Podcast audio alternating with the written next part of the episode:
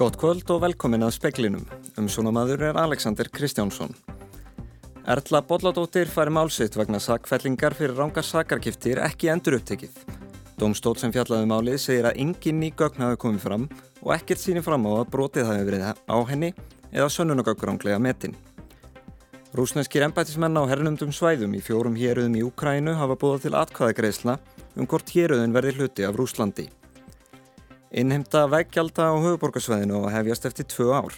Gjaldtakan mun skila 5-6 miljardum á ári og fjármagna samgönguframkvæmdir á svæðinu. Útvæslan leikur enn ekki fyrir. Og aðalsteitt Kjartansson, bladamæður á stundinni, hefur óskað eftir að mannreitnindadómstóll Evrópu leggji mat á hvort aðgerðilögur klukkakartónum og þremur öðrum bladamænum standist lög. Íbúðaverð á höfuborgarsvæðinu lækkar milli mánada í fyrsta sinn frá því í mæ 2019. Hagfræðingur segir vakstaækanir Sæðlabankans hafa dreyið úr eftirspurn. Endur upptöku dómur hefur hafnað beðni Erlu Bolladóttur um að sakfelling hennar vegna rángra sakargifta í Guðmundar og gerfinnismálum skildi tekin upp á nýju. Sakfelling Erlu Bolladóttur í hæstarétti árið 1980 stendur því enn. Hún fekk þryggjára dóm fyrir að bera ránga sakir á fjóra menn þeirra á meðal bróður sinn. Endur upptöku dómstól hvað upp úrskurði í síðustu viku. Dómstólinn sagði að engin ný gögn væru komið fram í málinu sem skiptu sköpum. Hann sagði að framt að ekkert hefði komið fram um refsiverða hátt sem er þeirra sem rannsöku málið eða að sönnunargögn gegn erlu hefðu verið rangt metin. Þá hefðu ekki verið slíkir gallar á meðferðmálsins að það hefði haft áhrif á sakfellingu erlu. Dómstöldin segir grundvallar mun á hjáttningum sagbortninga í Guðmundar og Gerfins málum á glæpum sem óvist er að hafi verið framtir og yfirlýsingum sem Erla gaf í vittnisspörði. Ekki sé hægt að líka þeim óta sem Erla segist hafa upplifað í skýrslutökum við aðstæður grunaðra í langri einangrunn. Dómstólinn segir að þágildandi réttafarslög hafi verið brotin við yfirheyrslur yfir öðrum sagborningum síðar í Guðmundar og Gerfinsmálum en ekkert líki fyrir um slíkt í yfirheyrslum yfir erlu. Brynjólu Þór Guðmundsson sagði frá. Rúsneskir embætismenn á hernumdum svæðum í fjórum héruðum Úkrænu hafa búið til atkvæðagreisla um hvort héruðin verði hluti af Rúslandi. Úkrænu stjórn segir þetta síndarmennsku sem munu engu breyta. Dmitri Medvedev var að formaður rúsneska þjóðuröryggisraðsins og fyrirverandi fórsiti sagði í morgun að réttast væri að búða til atkvæða greiðsluna í héruðunum Donetsk og Lugansk í austri. Rússar halda stórum hluta héradana og rúsnesku mælandi aðskilnaðar sinnar hafa stýrt þeim að hluta frá árunu 2014. Vladimir Putin, rúslandsforsiti, viðurkendi sjálfstæði svo kallara alþýðu liðvelda aðskilnaðar sinna í aðdraganda innrásar rúsneska hersins fyrra á árunu. Rúsneskir héraðstjórar hinn að hernumdu svæða lístu því yfir stuttu síðar að atkvæðagreðslur þau haldnar á næstu dögum. Yfir völd á hernumdum svæðum héraðana Kherson og Saporísia gerðu svo slíktið sama í kjölfarið. Úkræna heldur enn stórum hluta þessara fjögura héraða og þau svæði hafa stækkað eftir að gaggsókn Úkrænum anna hófst. Rúsar innleimuðu krímskaga eftir atkvæðagreðslu árið 2014 en alþjóðasamfélagið hefur ekki viðurkent innleimunina. Ljóst er að rússar vilji gera slíkt þið sama með þessi fjögur héruð sem umræðir. Búist var við að Pútín ávarpaði rúsnesku þjóðina nú klukkan 6. Dimitró Kuleba, utanvíkisáð frá Ukrænu, sagði í dag að atkvæðagreislur sem þessar væru falskar og að þær myndu engu breyta. Þær myndu þó leifa Rúslands stjórn að halda því fram að verið væri að nýta vopn Allandsafsbandalagsins til þess að ráðast á Rúsnes landsvæði. Talsmaður Ukrænu fórsita sagði að atkvæðagreislurnar myndu með öllu útiloka möguleika á friðarviðræðum. Þorgnir Einar Albertsson sagði frá.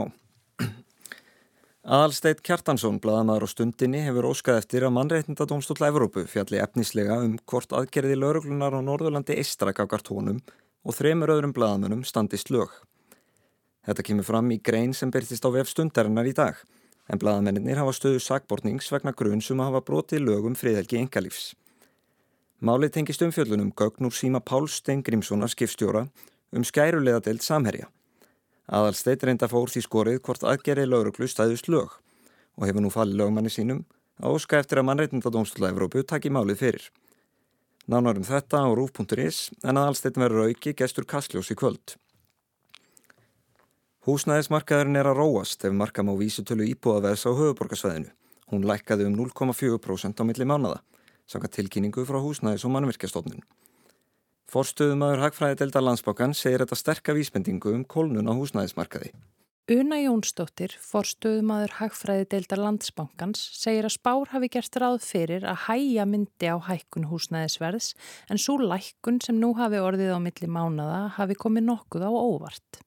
Íbúðaverð hefur ekki lækkað á milli mánada síðan í november 2019 og lækkunin er svo mesta síðan í februar 2019. Þetta þýðir að við meðum alveg gera ráð fyrir því að verðbúka hjaðni hraðar en við höfum uppalega gert ráð fyrir. Una segir stýrivaksta hækkanir Sælabankans hafa gert húsnæðisfjármögnun dýrari. Auk þess hafi reglur við lánveitingar verið hertar. Þetta hafi dreyið úr eftirspurn á markanum og þar með þrýstingi á verðlag. Hún segir ofsnemt að segja til um áhrif þessarar kólnunar á vakstaþróun. Það er alveg líklegt að stýrivextur haldi áfram að hækka því að við erum einhver síður að sjá mjög mikla verðbólku. Við erum í, já, við lifum 9% verðbólku núna áfram næstu mánuði og verðbólku markmið Sælabankans er 2,5%. Una segist ekki telli ástæðu fyrir þá sem keiftu húsnæði í mestu verðhækkunum að hafa áhyggjur af að tapa peningum að svo stöttu. Hafa byrji huga að lækkunin sé ekki mikil. Gunnildur Kjærúf Birgistóttir talaði við Unu Jónsdóttur. Hittinn fór yfir 20 steg á veðustöðum á Östurlandi í dag, þá var viða mjög hlýtt fyrir norðan. Hlýjast var á Seyðisfyrði þar sem hittinn fór mest í 20,8 steg. Það var 20,1 stegs hitti í Nesköpstað og 19,7 á Borgafyrði eistra. Þetta kemur fram í hittalit yfirliti dagsins á veðustofunar. Sama má segja víðast á austur og norðausturlandi. Til dæmis fór hitti í átjónsteg á Eilstöðum, Hallormstað, Vopnafyrði og Akureyri. Þorpið Vestfélag hefur keift jóðællhúsið við ringbraut af myndlistaskólanum í Reykjavík og Íslandsbanka. Til stendur að útbúa um 40 íbúðir í húsnaðinu og gert er að fyrir að þær veri tilbúnar eftir þrjú ár. Kaupin eru gerð með fyrirvara um fjármögnun en að sögn áslöður Guðrunadóttur, framkvæmdastjóra samskipta hjá Þorpinu, er engin ástæð til að áallega þau fara ekki í gegn. Hún segir að kaupin hafi ekki staði lengi til en hlutnir hafi gerst hratt í síðustu viku. Hugmynd Þorpsins er að breyta húsinu í íbúarhúsnæði. Myndlistaskóli Reykjavíkur hefur aðsetur í húsinu en áður var hótelið Oddsson einnig reykið þar. Það lokaði árið 2018. Húsið er byggt á súlum og það er auðvelt að gera þarna íbúðir sem að sem ná enda á milli í húsinu frá söðri og út að sjó. Þannig að hérna, það, þetta er eitthvað um, um 40 íbúðir sem að væri hægt að setja þarna. Í tillegunum er gert ráð fyrir íbúðum á bylunni 50 til 100 fermetrar. Þá er fyrirhugað að hafa atvinnustar sem er á neðstu hæð húsins. Sangat fyrstu hugmyndum þá myndum við hafa það sem er núna bílastæði hérna á bakvið húsið, breyta því bara í grænt svæði Það geti allar íbúðunar verið með svalir í sögur eða svona einhvern lítinn garskikka mögulega og svo uh, er þeirra hugmyndir um að setja svalir framann á húsi líka sem snú út á sjó. Myndlistarskólinn í Reykjavík hefur huga á að fara annað en líklega verða íbúðunar ekki tilbúnar fyrir en eftir þrjú ár að framkvæmta tíma meðtöldum. Það er reiknið með svona tveggja ára tímabili í að klára þetta allt saman að, að skólinn gæti mögulega verið hann að næstu tvö árin og hanga til að hann getur flutt annað. Þetta var Áslög Guðrúnadóttir, Urður Örlögsdóttir talaði við hana.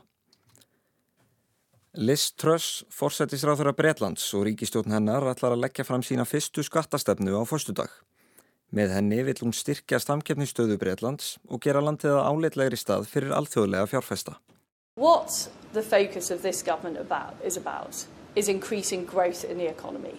We need the UK economy to grow faster so that we can see more investment, more jobs, more businesses, higher wages, and ultimately more tax revenue that can help fund our public services. Á förstu daginn leggur fjármálar á þeirra Breitlands fram svo kallaða smá fjárhags áallun. Talið er að ráð þeirran leggji meðal annars fram að skattar verði lekkaðir umtalsvert og ráðist verði í ýmsar aðgerðir til að auka hagvöxt. Tröss telur að helstu gallar breska hagkerfisins tengist skorti á fjárfestingum og telur hún að aðgerðirnar takist á við þá.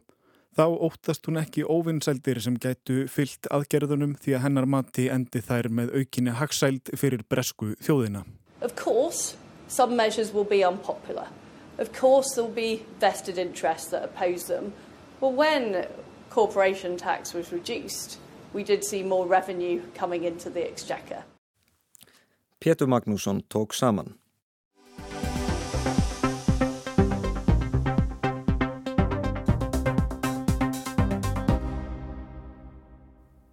Einheimta veggjálta geti hafist á höfuborgarsvæðinu innan tvekja ára. Gjálta kanna á að skila um 5-6 miljardum á ári en fjöð nýtist í þær samgöngufrangvendir sem eru fyrirhugaðar á svæðinu svo sem borgarlínu, fósóksbrú og umferðarstokka. Frangvendastjóri betri samgangna bindur vonir við að gjaldtakan skili sér í breyttum ferðavennjum.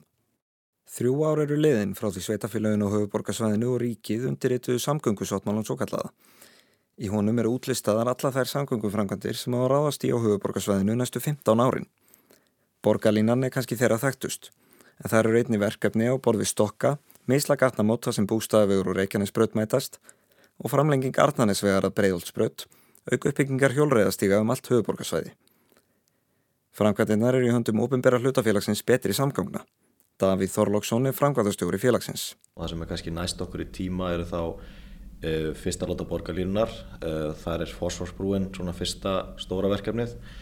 Vonandi verður hægt að hefja á þessu ári framkvæmdir við uh, hérna, fyllingar við brúarendana, þar sem hún vil koma. En hún verður bæði fyrir borgarlínuna og, og hjólandi gangandi og aðrar almenningssamgöngur.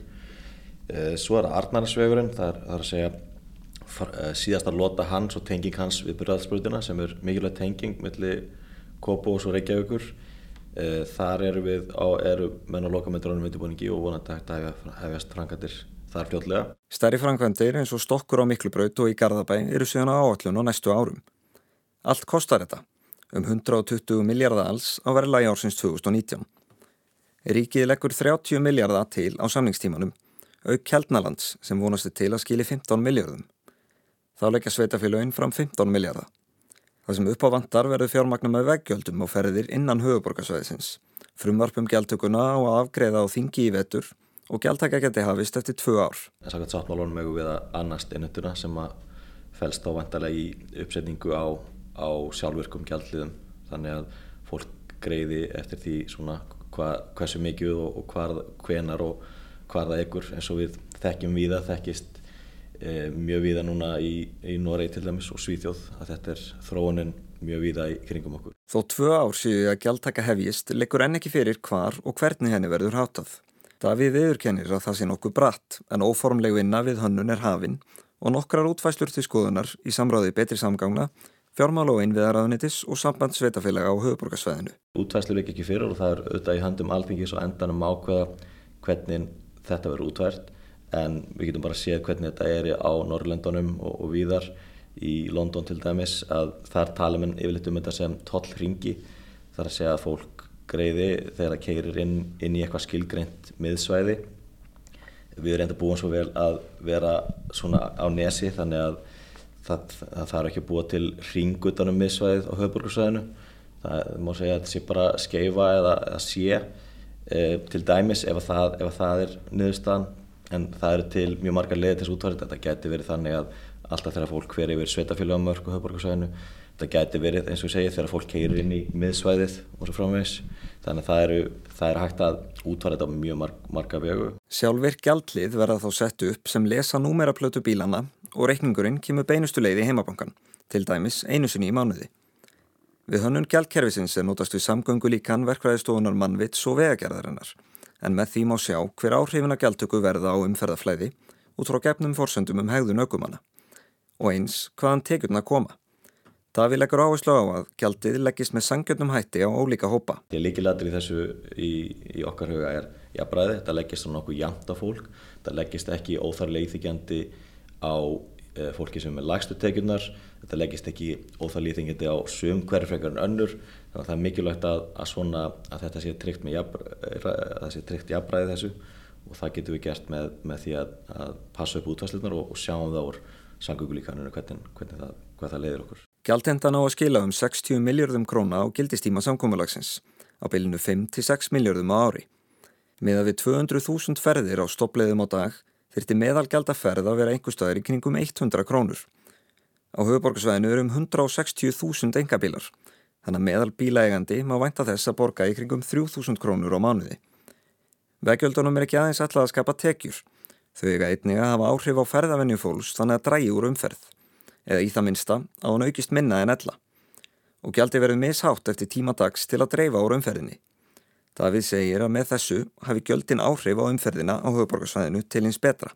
ég held að það sjáu all sem að e, fara um götur höfbrukarsvæðisins að umferðinni er sífælt að þingjast og það er, er einfallega vegna þess að höfbrukarsvæði er í hröðum vexti það gerir það óheikamlega að verkum að það er meira fólk á göttunum og ef að allt þetta fólk er eitt í bíl þá er alveg augljóst að, að umferðin heldur bara fram að aukast og þá skiptir raunar ekkit jú, jú, það skipta þessar framkvæmdi sem við stöndum í máli en er, það, það geta aldrei dreyið úr bílaumferðinni eða þess að dreyjur umferðtöfum nema einfallega að það drægi úr vexti uh, bílaumferðinar. Sumar framkvæmdana hafa vísu tafist nokkuð. Þannig átti sæbröðastokkur að vera klára á þessu ári og vinna við miklu bröðastokk að hefjast í ár. Og framkvæmdir við fyrsta legg borgarlínu hefðu átt að hefjast í fyrra. Eins er vinna við mislag gatnamót og mörgum bústaðavegar og reikjarnisbröðar skamt á veg komin. En upphaflega var gett ráð fyrir að framkvæmdum er í lokið árið 2021. Nú eru áallu verklokk 2026. Þetta er algengt vandamál að, að hlutir eiga til að tefjast. Það er því miður ekkert nefn þannig að það frekar þeir tefjast heldur en þeim, þeim, þeim flýti. Ég held að sér ljóst að tíma áallum sagvíkursáttbúlans hafi verið allt á bjart sín og í rauninu óraunhæf. Og ef við tökum dæmið af bústaðveginum það átti eftir að það, það átti að klárast 23 árum eftir að sáttmánu var gerður en það átti eftir að finna útvæslu sem að hendaði fyrir það sem að það er til eldri útvæslur áður en að menn voru búinir að ákveða áður en fólk að búa ákveða að fara í borgarlínuna þannig að það er útvæslu ekki ekki ráð fyrir borgarlínunni. Þegar út, búið að finna útvæslur sem að henda þá þarf að fara í mat og umhverjusáhrifum bara það ferði tekur að minnstakosti 23 ár þannig að og þá á eftir að, að hanna mannverkið og svo byggja það þannig að ég held að það hafi svona, hefði mönnum átt að vera ljóst að þessi tímallin hafi því miður ekki verið e, mjög raunhæf.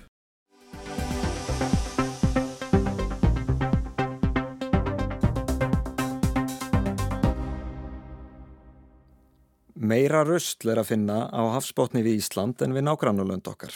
Sérfræðingur hjá Hambarásóknarstofnun segir að langmest af röslinu komi úr sjávarútvegi sem þurfi að beina sjónum að umhverfisvætni veidarfærum. Búsvæði á hafsbótni hafa markvist verið mynduð og kortlagð síðustu átján árin. Hafrannsóndarstofnun stemtur fyrir verkefninu sem snýst fyrst og fremst um að skrá tegundir og meta vendargildið þeirra. Eftir því sem unnið var meira með myndefni rannsónarinnar kom sífælt betur í ljós hver mikið var um rusl á hafsbótni í kringum landið. Hafrannsónarstofnun gaf nýlega út skýslu þar sem fari var yfir dreifingu og magn rusls sem fannst á hafsbótni á 15 ára tímabili, árin 2004 til 2019.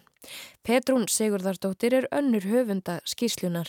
Við höfum í rauninni tekið myndir af svo litlu svæði í kringum hafsbótnin hjá okkur.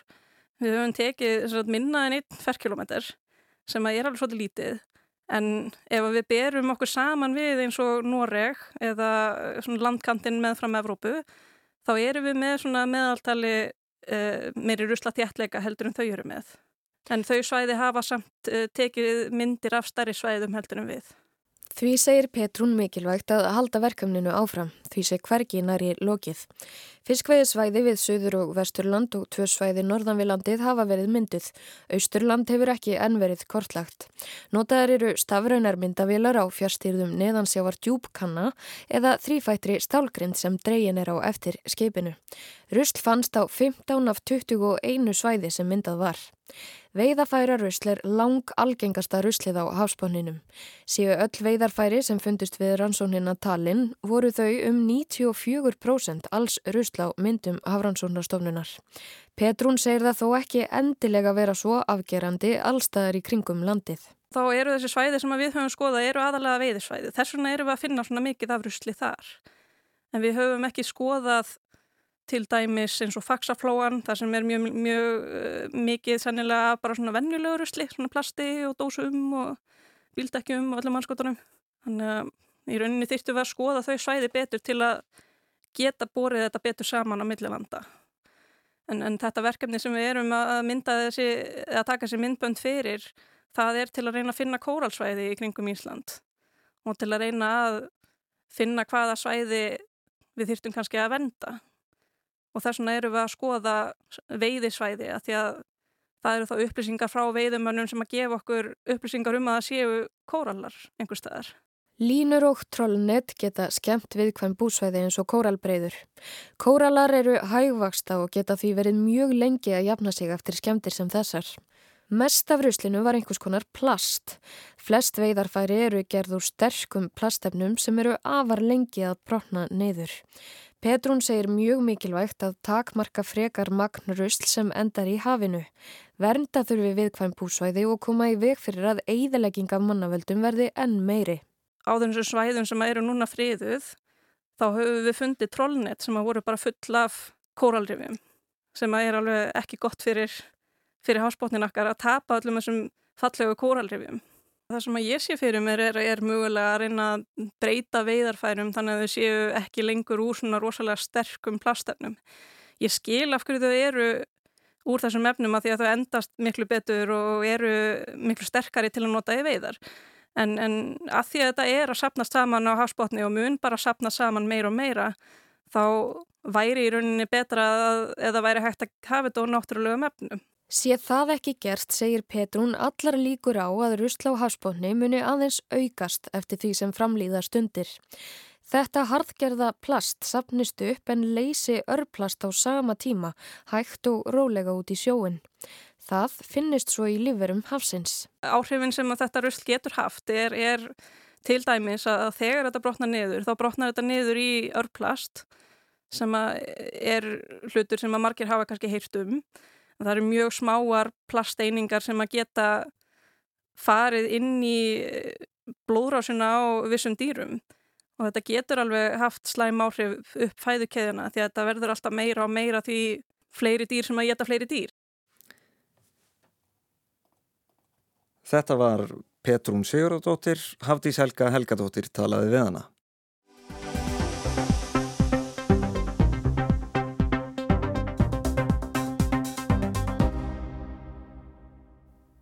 Mikill uppgangur er í norður Svíþjóð vegna nýs lofslagsvætni yðnaðar.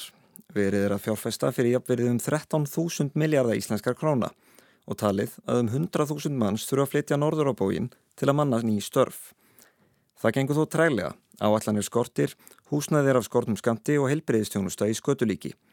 Kári Gilvason tala frá Svíþjóð. Nýrst í Svíþjóð við strönd Helsingabotts eru Norrbotten og Vesterbotten, Norður og Vesturbotn, tvö héröð sem eru álíka norðarlega á kortinu og Ísland. Þarna býrum hálf miljón og íbúatnir kvarta oft undan því að svæðið sé afskipt. Meðal tekjur eru lágar og meðal aldur hár. En nú er aldeilis uppgangur. Í sumar opnaði stærsta raflöðuverksmiðja í Evrópu í bænum Hveleftió. Búist er við að um það byl 5.000 manns vinni í verksmiðinni þegar hún verður komin á fullt og alls gera bæjarifurvöld ráð fyrir að nýja raflöðuverksmiðan leiði til fjölkunar bæjarbúa um 15.000. Það er hardla mikið því íbúar í Hveleftió eru í dag innan við 40.000 talsins. Nokkru norðar í Luleå sem er á svipaðri breytargráðu og akureyri, á að framleiða kólefnis hlutlaust stál. Þetta er einstakt verkefni sem myndi minga kólefnis losun svíþjóðar um 10% ef allt gengur að óskum. Samlega þessum verkefnum þarf að stór auka raforkuframlegslu, til dæmis með byggingu gríðarstóra vindorkugarða og styrkja fluttningskerfi raforkunar, vegakerfið og aðra innviði. Stjórnvöldi Svíþjóð vilja að Norður Svíþjóð verði leiðandi í nýjum grænum yðnaði. Búist er við fjárfæstingum fyrir jafnverði 13.000 miljardar íslenskra króna sem er álíka uppæð og allar tekjur íslenska ríkisins á næsta ári sinnum 17. Það er ekki að undra að fólk sjáu tækifæri í Norður Svíþjóð. Uppi við landamæri Noregs er Kíruna náman, stærsta málmgrítis náma í heimi og í norður Svíþjóð eru líka gríðarstórar ár með vassaflsvirkjunum. Bara í Lúleáni eru virkjanir sem framleitunari 15 terawattíma árið 2020 sem er eins og þrjár káranhugavirkjanir. Og svo er líka verið að byggja upp mikla vindorkugarða, oft með 2-300 metra háum vindmilum. Það vantar bara eitt, fólk til starfa. Það þyrtu um 100.000 manns að flytja til norður Svíþjóðar á næstu 15 árum að þér fram kemur í umfjöllun dagans nýheter. Það vantar um 20.000 starfsmenn í nýju verksmiðunar og samlega því þarf að fjölga í fyrirtækjum sem þjónustaverksmiðunar í stjórnsíslunni, í þjónustustörfum, umönnun og svo framvegs. Engar áallanir eru hins vegar til um hvernig af því eigi að verða eða hvar fólkið eigi að búa. Samkvæmt nýleiri rannsókn sem stálframlegslu fyrirtækið let gera getur aðeins þriðji hver svíi hugsað sér að flytja norðurabóin. Þróunin hefur enda verið í þver öfuga átt undan farin ár og ára tugi. Fólksfækun og hækkandi meðalaldur hefur lengi verið vandamál í norður Svíþjóð. Samlega því að var tekjur sveitafélaga þar mingað og nú svo komið að þjónusta fyrir íbúana er langt í frá jafn góð og fólki finnst að hún ættið að vera eða jafn góð og sunnar í Svíþjóð.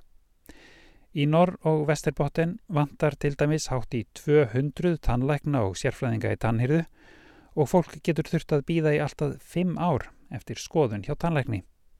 Það er skortur á sjúkráðsplásum og þeir sem búa inn til landsins geta þurft að aka alltaf 600 km til að fara með bílinn í skoðun svo einhver dæmi séu tekinn. Við þetta bætist að húsnæði er víða af skortnum skamti nú þegar Verð hefur hækkað ört og starfsmenn í HLFTO neyðast sumir hverjir til að búa á hótelum á meðan þeir leita húsnæðis jafnvel mánuðum saman. Yfirvöldi HLFTO vilja gjarna að fólk sem þar vinnur setjist að í bænum til frambúðar gjarna með fjölskyldum sínum. En það er erfitt þegar lítið er um hendugt húsnæði. Takist ekki að byggja hratt og leysa úr flöskuhálsum varðandi fólksfjölkun er hætt við að Huelefto og aðrir bæir í norður Svíþjóð verði einskunar verbúðir þangað sem fólk flýgur til að vinna og fer svo aftur heim söðrabóin eftir törnina. Þetta er Kári Kilvason sem talar frá Gautaborg. Veðurhorfur á landinu til miðnætti sannað kvöld, sunnan góla eða kaldi, dregur úr úrkomi í kvöld en fer að regna austalands í nótt og í ferramálið, mild í veðri. Víða hagviðri á morgun, rikning fyrirpartin fyrir austan en annars skúrir á víð og dreif, engum síðdeis, heldur svalara. Og það var helst í speklinum í kvöld að Erla Bolladóttir fær málsitt vegna sakfellingar fyrir rángar sakarkiftir ekki endur upptekið. Dómstól sem fjallaðu um málið segir að engin ný gögn hafi komið fram og ekkert síni að brotið hafi verið á henni eða sönnunagögg rámklega metin. Innheimta veggjalda á höfuborgarsvæðinu á hefjast eftir tvö ár. Gjaldagan mun skila um 5-6 miljörðum á ári og fjármagnarsamgöngu framkvæmdur á svæðinu en útfæslan likur enn ekki fyrir. Aðalsteit Kjartansson, bladamæður og stundinni hefur óskað eftir að mannréttinda Dómstóla Evrópu leggji mat á það hvort aðgerið lögur og þremur öðrum bladamönnum standist lög. Íbúðanverð á höfuborgarsvæðinu lækkar milli mánada í fyrsta sinn frá því mæ 2019. Hagfræðingur segir vakstahekkanir Sæðlabankan skila sér. Rúsneskir embætismenn á hernundum svæðum í fjórum héruðum Úkrænu hafa búið til atkvæðagreisla um hvort héruðun verði hluti af Rúslandi. Sérfræðingur hjá Hafransóknastofnun kallar eftir umhverfisvætni veidarfærum í íslenskan sjávarótveg. 94% af rusli sem fannst á hafsbótni við Ísland yfir 15 ára tímabil var veiðafæra rusl. Fleira er ekki í speklunum í kvöld. Tæknimaður í útsendingu var Kormoku Marðarsson verið í sæl.